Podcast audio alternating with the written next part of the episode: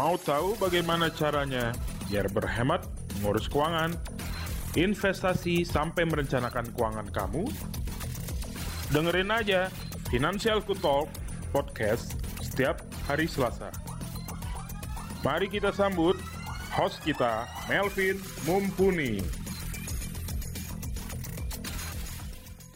Halo, jumpa lagi bersama saya Melvin Mumpuni CFP, perencana keuangan dan juga founder dari financialku.com. Menemani kesibukan kamu yang lagi work from home, hari ini kita akan ngobrol satu topik yang seru banget, anak muda banget, khususnya buat keluarga muda, yaitu menyiapkan dana pendidikan adalah tanggung jawab orang tua. Di podcast kali ini sebenarnya berasal dari obrolan sederhana antara saya dengan salah satu financial planner di Finansialku. Kami ingin menyoroti nih tentang dana pendidikan anak. Selain itu, saya juga akan menjawab salah satu pertanyaan dari sobat Finansialku yang ada di tiket aplikasi Finansialku. Masih terkait dengan dana pendidikan khususnya ya. Guys, supaya kamu nggak ketinggalan update podcast terbarunya, jangan lupa follow Fintalk Finansialku Podcast di Spotify yang hadir setiap hari Selasa. Podcast Fintalk ini dapat kamu dengar melalui Apple Podcast dan aplikasi Finansialku. Langsung aja download aplikasi Finansialku di Google Play Store atau di App Store. So, teman-teman, stay tune.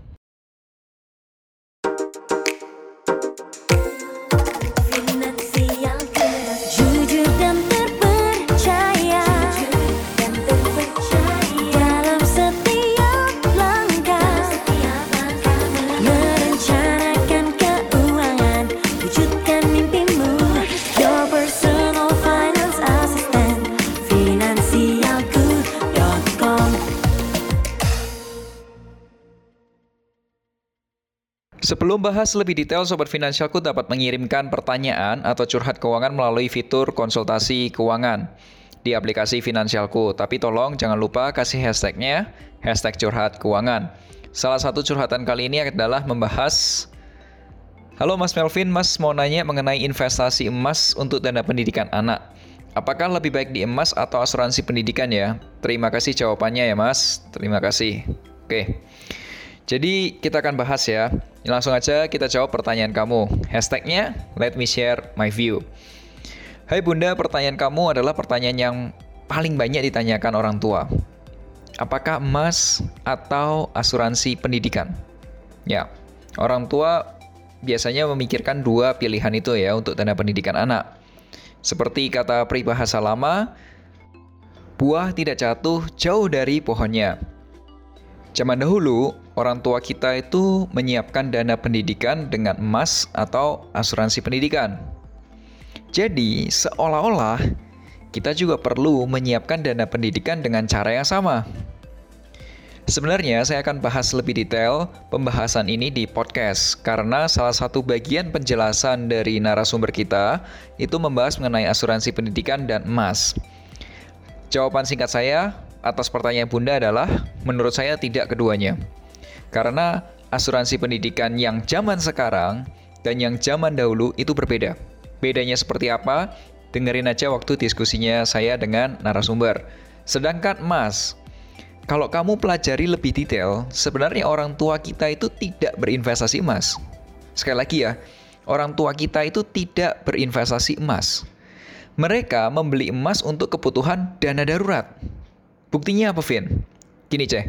Coba kamu tanya ke orang tua kamu. Mereka akan menjual emas itu pada saat kondisi kepepet. Bukan pada saat harga emasnya naik. Coba tanyakan ke orang tua kamu. Sekali lagi ya, mereka akan jual emasnya itu pada kondisi kepepet, bukan pada saat harga emasnya naik. Saya lebih sarankan kalau bunda dan pasangan masih sehat ya kerja dan berinvestasi di produk investasi. Contoh, ada reksadana, ada saham, ada peer-to-peer lending, bahkan bisa juga dari menyewakan properti kalau memang dananya cukup besar untuk investasi properti. Sebagai jaga-jaga, kalau terjadi sesuatu dengan bunda dan pasangan, sebaiknya beli asuransi jiwa. Yang dilindungi adalah orang tuanya, bukan anaknya. Jadi, amit-amit nih ya, kalau terjadi sesuatu dengan orang tuanya, orang tuanya meninggal dunia terlebih dahulu, maka perusahaan asuransi akan membayarkan sejumlah uang. Uang dari perusahaan asuransi tersebut yang digunakan untuk membiayai pendidikan anak. Tenang, tenang. Penjelasan lebih detailnya akan ada di diskusi saya dengan narasumber. Oke, semoga penjelasan saya dapat bermanfaat buat teman-teman dan juga bisa membantu teman-teman. Buat sobat finansialku, para pendengar podcast Fintalk, jika kalian mengalami kegalauan mengenai keuangan, investasi, asuransi, atau apa pun itu, langsung aja curhat ke podcastnya Finansialku. Caranya gampang banget, kamu tinggal download aplikasi Finansialku di Google Play Store untuk pengguna Android atau App Store untuk pengguna iOS. Terus langsung aja ke menu konsultasi keuangan. Dan jangan lupa hashtagnya, hashtag curhat keuangan. Dan jangan lupa juga follow Instagram at financialku underscore com dan at melvin underscore mumpuni. Karena banyak hal yang bisa jadi kurang jelas kalau kita sampaikan dalam bentuk audio dan akan lebih jelas kalau kita sampaikan dalam bentuk gambar atau tulisan di Instagram ya. Dan saya juga punya program khusus namanya Melek Finansial bersama Melvin Mumpuni di YouTube channel finansialku.com. Videonya akan tayang setiap hari Rabu. Yes, besok. Jadi jangan lupa subscribe YouTube channel Finansialku supaya kamu nggak ketinggalan. Yuk langsung aja kita diskusi bersama dengan Bu Ninet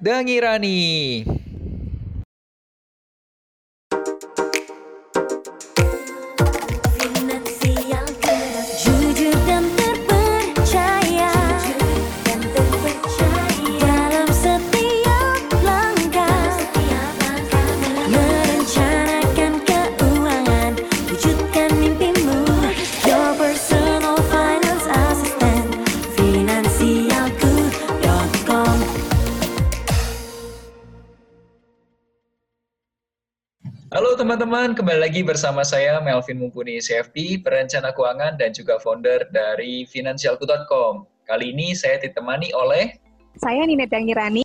Teman, Mbak Ninet ini adalah salah satu perencana keuangan kita di Finansialku. Mbak Ninet ini biasanya menangani klien atau spesialisnya di dana pendidikan. Kali ini saya akan cerita tentang dana pendidikan. Mbak Ninet, Mbak Ninet kan juga sebagai seorang ibu ya dan punya seorang putri. Nah, Mbak Ninet pernah nanya nggak sih ke anaknya, cita-cita kamu apa sih gitu? Pernah nggak sih tanya gitu? Dari kecil kan kita orang tua pasti selalu nanya, adik kalau gede pengen jadi apa gitu. jadi apa emang kalau boleh tahu? Presiden? Uh, kebetulan pengennya itu jadi dokter, Pak. Oke, okay, dokter.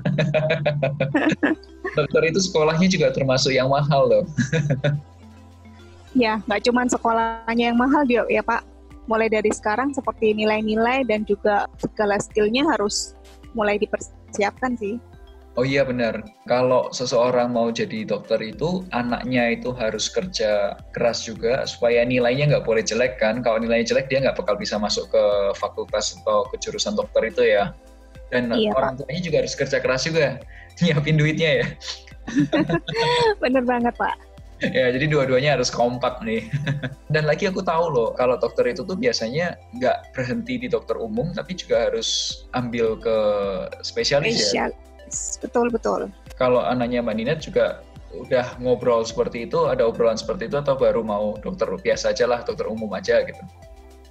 Udah pak. Saya nggak tahu kenapa tapi dia udah jawab mau jadi dokter anestesi atau spesialis gigi ortodontis. Anestesi itu dokter dengan dengan biaya mahal. Income-nya gede jadi sekolahnya juga lumayan kan? Iya. Nah, teman-teman anestesi itu biasanya orang-orang yang belum sebelum dioperasi ya dibius ya itu ya anestesi itu ya. Betul. Dan itu menurutku juga di Indonesia jarang-jarang loh sekolah atau kedokteran khusus untuk anestesi itu. Mbak Nina tahu universitas mana yang mau dituju? Atau di kota mana gitu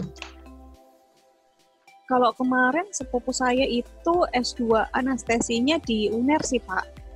UNER, oh ya. Surabaya ya, masih ada ya? Masih, masih ada. Dan udah tahu juga harganya, Mbak Ninet? Harganya pada saat itu luar biasa, Pak. Saya lupa ya. Satu Tapi sudah menyentuh, kenapa? Satu Innova 200, 200 sampai 400 juta atau lebih? Lebih, Pak. Karena itu sekeluarga gara-gara papanya mau lanjutin S2 itu sampai untuk seorang keluarga dokter yang seperti itu sampai kalau di restoran mamanya mesti teriak sudah tidak boleh tambah gitu ya karena si mama ini harus mengencangkan ikat pinggang buat bayarin sekolah papanya. Wah, luar biasa ya. Emang perjuangan untuk jadi dokter itu tuh luar biasa loh. Jadi memang hmm. harus dihormatin dan dihargai banget nih uh, profesi dokter. Mbak Ninet, apakah masa depan anak ini bergantung sama orang tuanya atau juga bergantung anaknya doang sih yang kerja mati-matian gitu? Ya Pak, kalau menurut saya sih 50-50 ya Pak. Karena memang kita sebagai orang tua punya peran 50% dan 50 persennya itu adalah bagaimana si anak itu menghadapi uh, masa depannya. Hmm. Kenapa sih kok orang tua itu berperan? Iya, karena kita dari awal kita mendidik dia dari sisi attitude, attitude gitu apa yang harus dia lakukan kemudian kita juga kasih fasilitas atau support yang bisa bermanfaat istilahnya kasih modal gitu ke dia jadi hmm. kalau ngomong ke diri saya sendiri aja dulu saya punya cita-cita mau jadi jadi apoteker gitu karena mama saya itu bekerja di rumah mama saya punya garment usaha garment gitu okay. dia ibu rumah tangga yang punya karyawan gitu penjahit-penjahit banyak gitu kemudian dia bekerja di rumah sehingga saya saya bisa ketemu mama saya tiap hari gitu. Tapi hmm. dia juga seorang business woman gitu kan. Pada saat itu kalau saya suruh jahit saya nggak mau gitu jadi penjahit gitu ya. Akhirnya saya ngobrol sama papa saya aku pengen kayak mama tapi yang keren apa ya? gitu. Kata papa saya oh punya apoteker aja gitu. Hmm. Punya apotek bisa bantu ya. orang sakit gitu. Tapi kamu kerjanya bisa di rumah. Nah tapi ternyata sayanya uh, orang tua saya udah memberi skill macam-macam dan mungkin saya passionnya nggak ke sana gitu. Ya ya namanya juga remaja gitu kan. Akhirnya saya tuh perlu. Jadi saya dari kecil itu di lesin piano di lesin nari. Saya itu dari empat umur empat tahun itu sudah di pangku belajar nari Bali gitu ya. Nari di Bali? iya oh. nari Bali Oh kalau Mbak Nina tuh emang aslinya dari Bali gitu? Kok belajarnya nari, dari Bali? Enggak, karena waktu di dekat rumah ada kursus tari Bali. Oke. Okay. Itu. Jadi semua dikursusin, les nyanyi lah, padahal suaranya cempreng gini gitu ya. semua dikasih sama mama saya dan ternyata apa yang dikasih mama mama saya itu sangat bermanfaat buat saya. Jadi waktu saya kuliah gitu, akhirnya saya uh, desperate gitu putus asa terus kata mama saya udah jadi pegawai bank aja gitu. Terus akhirnya ngambil akuntansi gitu kuliahnya tapi sambil saya dulu dikasih ini Pak Melvin saya dulu dikasih jatah. Kuliah dikasih duit cuman saya lupa berapa puluh juta gitu harus sampai lulus. Sementara saya kuliahnya di Ubaya universitas banyak biaya gitu di Surabaya. Mahal banget waktu itu. Jadi saya harus ngepas-ngepasin. Nah, ternyata saya ya biasa ya lah kesalahan-kesalahan masa lalu. Ada yang terlalu santai sehingga ada yang ada yang ngulang dan saya itu telat setengah semester. Sehingga saya harus cari uang sendiri. Nah, karena saya itu suka nari dari kecil dan saya memang bergabung dengan sebuah klub gitu jadi kita selalu nari-nari mulai gaji 50 ribu sampai sekali nari bisa 300 ribu satu tarian karena kita tampil nggak? Cuma satu tari gitu. Itu akhirnya bisa saya pakai untuk bayarin kuliah gitu.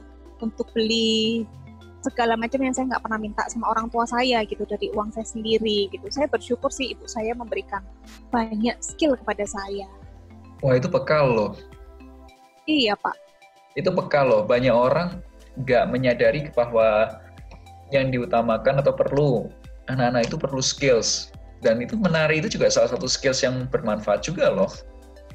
Luar iya. biasa ya.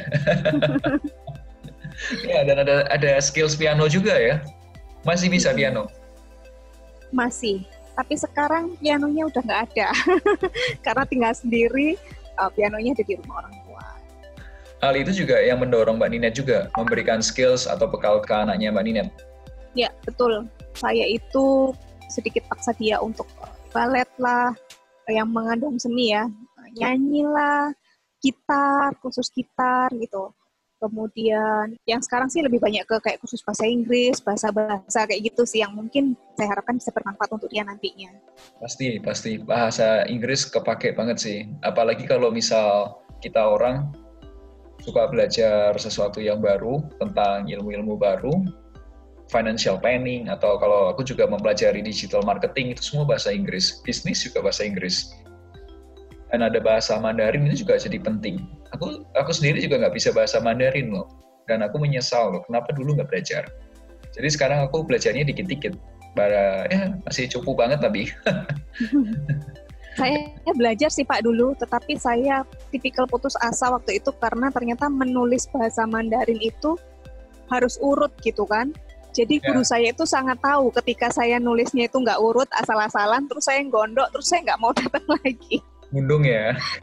Iya. ya itu itu saya menyesali sampai sampai dengan detik ini saya menyesal Mbak Ninet, aku penasaran nih. Aku pengen tahu juga nih bagaimana cara Mbak Ninet menyiapkan dana pendidikan buat putrinya sendiri. Apa yang Mbak Ninet lakuin? Strateginya apa sih? Ya, pada saat saya punya anak itu saya sama sekali jauh dari masalah keuangan gitu ya. Jadi saya belajar CFP juga baru beberapa tahun belakang, di mana anak saya sudah besar dan terima kasih Tuhan sudah memberikan saya jalan yang benar gitu saat ini. Jadi kalau dulu saya sukanya itu nabungnya di asuransi gitu, karena harapan saya adalah anak saya bisa tetap sekolah ada atau nggak ada saya itu konsep utama yang saya pegang saat itu. Jadi pada saat dia baru lahir saya sudah punya asuransi buat dia kemudian dia umur satu tahun, pokoknya setiap tahun saya berusaha untuk menambah satu polis gitu buat dia. Nah, tapi pada saat itu kan karena udah lama, jadi banyak polis-polis yang masih endowment. Sekarang udah nggak nggak dijual lagi. Teman-teman, aku jelasin ya, endowment itu tuh adalah asuransi jiwa Wiguna. Asuransi jiwanya ini tipikalnya tradisional, artinya sebagian buat proteksi, sebagian buat tabungan bukan investasi ya, tapi sifatnya lebih ke tabungan.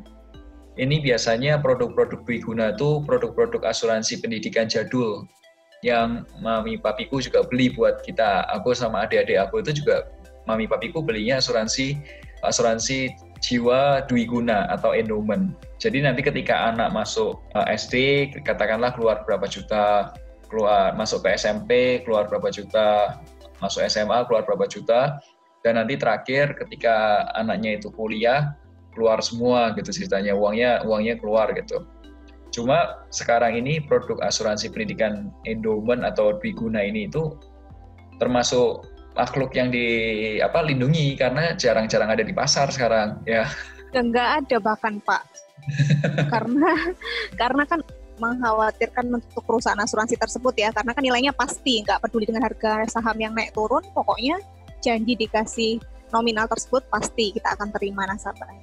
Itu sebenarnya dulu barang aslinya di belakangnya itu produknya adalah produk pasar uang. Pasar uang itu isinya deposito dan surat utang yang jatuh temponya itu kurang dari satu tahun. Jadi jatuh temponya katakanlah 10 bulan lagi, 11 bulan lagi. Itu produk endowment itu aslinya itu. Jadi mereka berani kayak semacam ada guaranteed gitu. Dan biasanya itu surat utangnya itu dipegang sampai akhir atau hold to mature sehingga kalau surat utang itu kan konsepnya kalau misal utangnya 100 juta pada waktu akhir selesai kontrak ya pokok utangnya harus balik 100 juta lagi. Biasanya gitu kalau surat utang. Nah di tengah-tengah itu orang-orang itu akan dapat namanya kupon atau bunga. Nah biasanya perusahaan asuransi memanfaatkan tipikal seperti itu untuk bantu kliennya sebenarnya. Itu sebenarnya bagus loh sebenarnya bagus. Karena mengingat zaman dulu waduh aku lu kalau ingat zaman mami papiku mami papiku itu tahun 90 berapa berarti ya? Dari tahun 91 sampai tahun 2000-an lah. Itu produk produk-produk keuangan belum se belum se advance sekarang sih. Makanya dulu membantu banget asuransi Dwi Guna. Kalau Mbak Ninet punyanya asuransinya Dwi Guna juga berarti banyak kan? Iya. Dwi Guna sama ya baru-baru kemudian ada unit link ya Pak. Jadi yes. beli unit link. Dan selain asuransi saya juga ini Pak. Kan kalau dulu kan kalau lebaran gitu kan ada angpau gitu. Nah, uang angpau yang dikasih untuk bayi saat dia nggak ngerti duit itu saya masukkan rekening tabungan sampai sekarang sih gitu ya mau tadinya mau dipindahin ke deposito tapi suami saya bilang udahlah biar aja di situ nggak usah diambil ambil biar aja gitu nah sekarang setelah jadi financial planner gimana Karena semua financial planner kan awalnya bukan seorang financial planner, awalnya seperti apa namanya masyarakat awam yang memang mungkin belum tahu tentang produk keuangan, belum tahu tentang tentang investasi, belum tentu tahu juga tentang produk asuransi dan lain sebagainya kan. Jadi ya wajar menurutku kalau misal dibilang strateginya kok mainstream banget gitu. Ketika saya sudah mengenal financial planner sih, saya langsung pakai piramida perencanaan keuangan sih. Jadi langsung saya urutin gitu. Mana yang buat saya benar-benar sekarang punya beberapa pos gitu untuk kebutuhannya dia setiap bulan, kemudian dana daruratnya untuk khusus buat dia kalau misalnya ada apa-apa, kemudian misalnya kalau ada apa-apa itu kok tiba-tiba ada tugas gitu, yang butuh duit, dharma wisata yang yang tidak terjadwal gitu kan ada ya Pak. Ada. Nah terus uh, terus kemudian saya mulai masuk ke manajemen resiko, dia saya beliin asuransi unit link yang ada kesehatannya, gitu. Kemudian yang untuk eh, tujuan pendidikannya sih karena saya dan suami ini punya kiblat yang berbeda. Suami saya itu uh, pegawai bank, bankers gitu ya, sehingga dia merasa bahwa udah taruh aja di bank sini gitu. Jadi daripada berantem gitu ya sudah yang di bank ya udah biarin di bank. Yang saya ada rezeki itu akan kita masuk. Saya mulai kasih dia ini account buka reksadana yang aplikasi gitu ya Pak ya. seperti itu. Ya, belinya juga... di aplikasi gitu ya. Iya. Jadi benar nih teman-teman, Mbak Ninet ini juga karena bukan orang yang lahirnya di investment product, jadi kita kita juga banyak diskusi tentang investment product kayak reksadana, kayak saham, gitu, pay lending, kita banyak diskusi mengenai itu. Ya itu menurutku wajar sih, Ninet dulu aku backgroundnya ya, itu orang teknik industri. Oh bukan orang keuangan. Cita-citaku juga begitu lulus tuh aku juga ngomong sama mami, pengennya tuh jadi apa? Tukang las di dalam laut, underwater welder. Gak ada yang tahu cita-citaku jadi tadinya jadi tukang las, sekarang mau jadinya malah financial planner. Puji Tuhan lah. Kalau aku jadi welder, aku cuma bantu dikit orang lah. Jadi financial planner yang terbantu lebih banyak. Kayak sekarang gitu aplikasi kita finansialku itu sudah 200 ribu pengguna. Aku hampir tiap hari jawabin tiket pertanyaan itu sampai 40-an pertanyaan. Ya, ya itu sudah banyak banget yang aku bantu. Lebih bermanfaat lah, lebih happy. Oke, nah, nanti berarti ya, kita akan lebih bahas detailnya nanti once kita ada kesempatan buat webinar bareng ya. Nanti kita akan bahas tuh tentang dana pendidikan ya. Iya Pak, setuju Pak. Yes, teman-teman. Jadi nanti kalau misalnya pas kita ada webinar, nanti teman-teman bisa ikut ya. Teman-teman kalau supaya tahu webinarnya kapan, kita belum rencanain sih. Nanti follow aja Instagramnya di Mbak Ninet. Instagramnya apa Mbak Ninet? Saya Pak Ninet N I N N E T T E dot Gangirani D A N G I R A N I. Oke, teman-teman tenang aja, itu panjang. Teman-teman yang sudah follow konku Melvin underscore mumpuni, nanti aku juga tag Mbak Ninet supaya supaya teman-teman juga bisa follow juga supaya tahu gitu ya. Nah, misal pun ada kegiatan atau informasi yang terkait dengan dana pendidikan ya. Terlebih kalau misal teman-teman sekarang ini pasangan muda yang sedang menyiapkan dana pendidikan anak. Aku juga melakukan hal yang sama loh Mbak ke ponakanku aku bilang sama adik, adikku kan sudah punya anak kan, perempuan juga, ponakanku, lucu banget, dua tahun gitu sekarang. Usia 6 bulan, 7 bulan tuh juga aku bilang, beli asuransi kesehatan. Karena usia berapapun bisa sakit, dan kita nggak tahu penyakitnya apa gitu. Dedekku pilihnya unit link. Aku udah kasih tahu kan bedanya unit link sama tradisional kan, tapi dia pilih unit link karena concernnya adalah supaya kunci preminya gitu. Kalau keluarga muda kan pengeluaran kan banyak kan. Nah, dedekku itu maunya kunci premi aja, udah pokoknya preminya katakanlah 800 ribu per bulan gitu. Itu dia bisa bayar gitu. Ya udah kunci aja terus gitu sampai nanti katakanlah ponakanku sudah usia 18 tahun atau mungkin sudah usia 20 tahun lulus kuliah, ya udah dia nambah lah asuransi lagi lah beli yang beli yang lebih relevan di tahunnya dia gitu di zamannya dia gitu. Kan itu 18 tahun lagi. Eh sorry. Itu mah lebih dari 18 tahun gitu. Tapi nggak ada yang salah kok beli asuransi unit link menurutku nggak ada yang salah. Kemudian Mbak Ninet selama ini ada nggak sih kendala ketika menyiapkan dana pendidikan anak? Kendalanya banyak banget Pak. Karena okay. sukanya kadang sudah disisihkan gitu ya. Ada aja kepake gitu ya. Dulu saya suka kumpulin emas juga nih Pak. Oke. Okay. jadi karena jangka panjang katanya emas itu harganya selalu naik gitu kan. Memang. Nah tapi ternyata seiring berjalannya waktu misalnya musim hujan kemarin yang nggak berhenti berhenti tiba-tiba talangnya nggak muat air kemudian plafonnya jebol gitu iya. Kami mikirnya gini ah ntar kuliahnya masih lama pakai aja dulu gitu. Jadi ya? iya sama itulah yang kayak gitu-gitu jadi kadang gimana ya kita sebagai manusia juga sering menyepelekan gitu itu harusnya nggak boleh sih harusnya makanya saya sih lebih suka yang ditaruh di tempat yang nggak bisa diambil gitu supaya memang kita lebih disiplin gitu pak kalau lihat barangnya itu kan jadi pelehkan ya. gitu. ya. ya itu Mbak Ninet, makanya aku bilang ya, orang investasi emas itu tuh menurutku ya, itu salah. Karena apa? Orang yang kebanyakan ya beli emas, ngumpulin emas, itu tuh dijualnya nanti saat kepepet. Contoh kepepetnya Mbak Ninet itu tadi, tiba-tiba talang talang airnya jebol, terus kalau sudah plafonnya jebol, nah itu kepepet harus diganti secepatnya dan lagi nggak ada pegang uang ya udah jual emas. Ya itu itu emas sebagai dana darurat bukan sebagai investasi. Dijual waktu kepepet.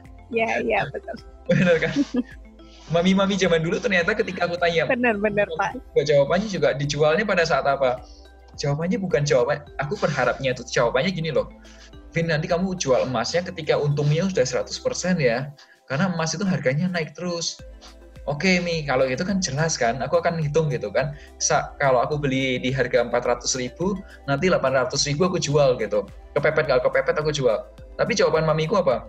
Vin nanti eh jualnya pada saat kamu kepepet. Loh kalau kepepet berarti namanya dana darurat dong. Bukan investasi dong. Itulah Pak, makanya kita juga harus hati-hati gitu ya ketika memilah mana yang dana darurat dan mana yang investasi dan itu memang banyak orang yang masih akhirnya jadi rancu gitu ya Pak. Benar, benar. Jadi kalau sering-sering kepepet berarti investasinya hilang terus. Nanti kasihan anaknya dong Pak. Kalau mau jadi insinyur akhirnya jadi penyair, pemuda nyaris insinyur gitu. Teman-teman ketahuan ya ini Mbak Ninet angkatan berapa gitu karena sekarang kita bilang insinyur loh. Nggak ada ya. yang bilang insinyur itu tuh adalah ini nenekku karena dulu kenapa aku jadi teknik industri karena keluarga besar dari mami itu kebanyakan pada insinyur semua. Ada yang arsitek, ada yang teknik sipil, ada yang teknik industri, ada yang teknik mesin, semua teknik. Karena nenekku dari kecil udah kasih tahu gede jadi insinyur ya. Udah di, udah dipaksa. Bukan. Kalau gede mau jadi apa? Bukan. Gede jadi insinyur ya. Mbak Ninet ini udah di akhir obrolan kita. Mbak Ninet kalau ada saran nih, apa nih sarannya buat orang tua atau mungkin juga keluarga muda yang saat ini sedang mendengarkan podcast ini terkait dana pendidikan. Apa nih sarannya Mbak Ninet buat teman-teman yang lagi dengerin uh, podcast ini? Oke, saran yang pertama sih yang pasti ketika teman-teman tahu mau anaknya mau jadi apa, maka kita mesti breakdown lagi kira-kira ilmu atau skill apa sih yang kita bisa jadikan modal untuk mereka mencapai tujuan itu. Kemudian cari tahu juga kira-kira kalau misalnya maunya misalnya jadi dokter, carilah sekolah dokter mana sih yang yang bagus, yang favorit, yang teman-teman pengen gitu. Apakah di dalam kota atau ke kota lain atau ke luar negeri gitu. Nah, kita harus rajin-rajin cari tahu tuh uh, inflasinya pendidikan itu gede banget gitu kan.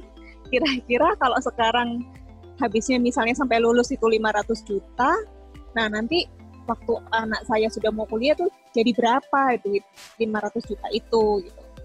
Nah, dari situ baru dipilah-pilah lagi. Kira-kira mau seperti apa nih uh, untuk mencapainya? sarananya mau uh, pakai apa? Mau pakai mobil, mau pakai pesawat, mau pakai kereta api atau kapal laut gitu kan? Oke, okay, itu artinya milih produknya baru produk apa gitu maksudnya ya, kendaraannya itu apa gitu, investasinya apa gitu ya? Iya, karena eh, kadang banyak orang ini Pak, Pak Melvin, orang Indonesia itu kadang pengen cuan gede, tapi akhir ujung-ujungnya adalah bodong gitu. Jadi harus hati-hati banget, nanti anaknya nggak jadi kuliah gitu. Iya. Kasihan yeah. juga kan?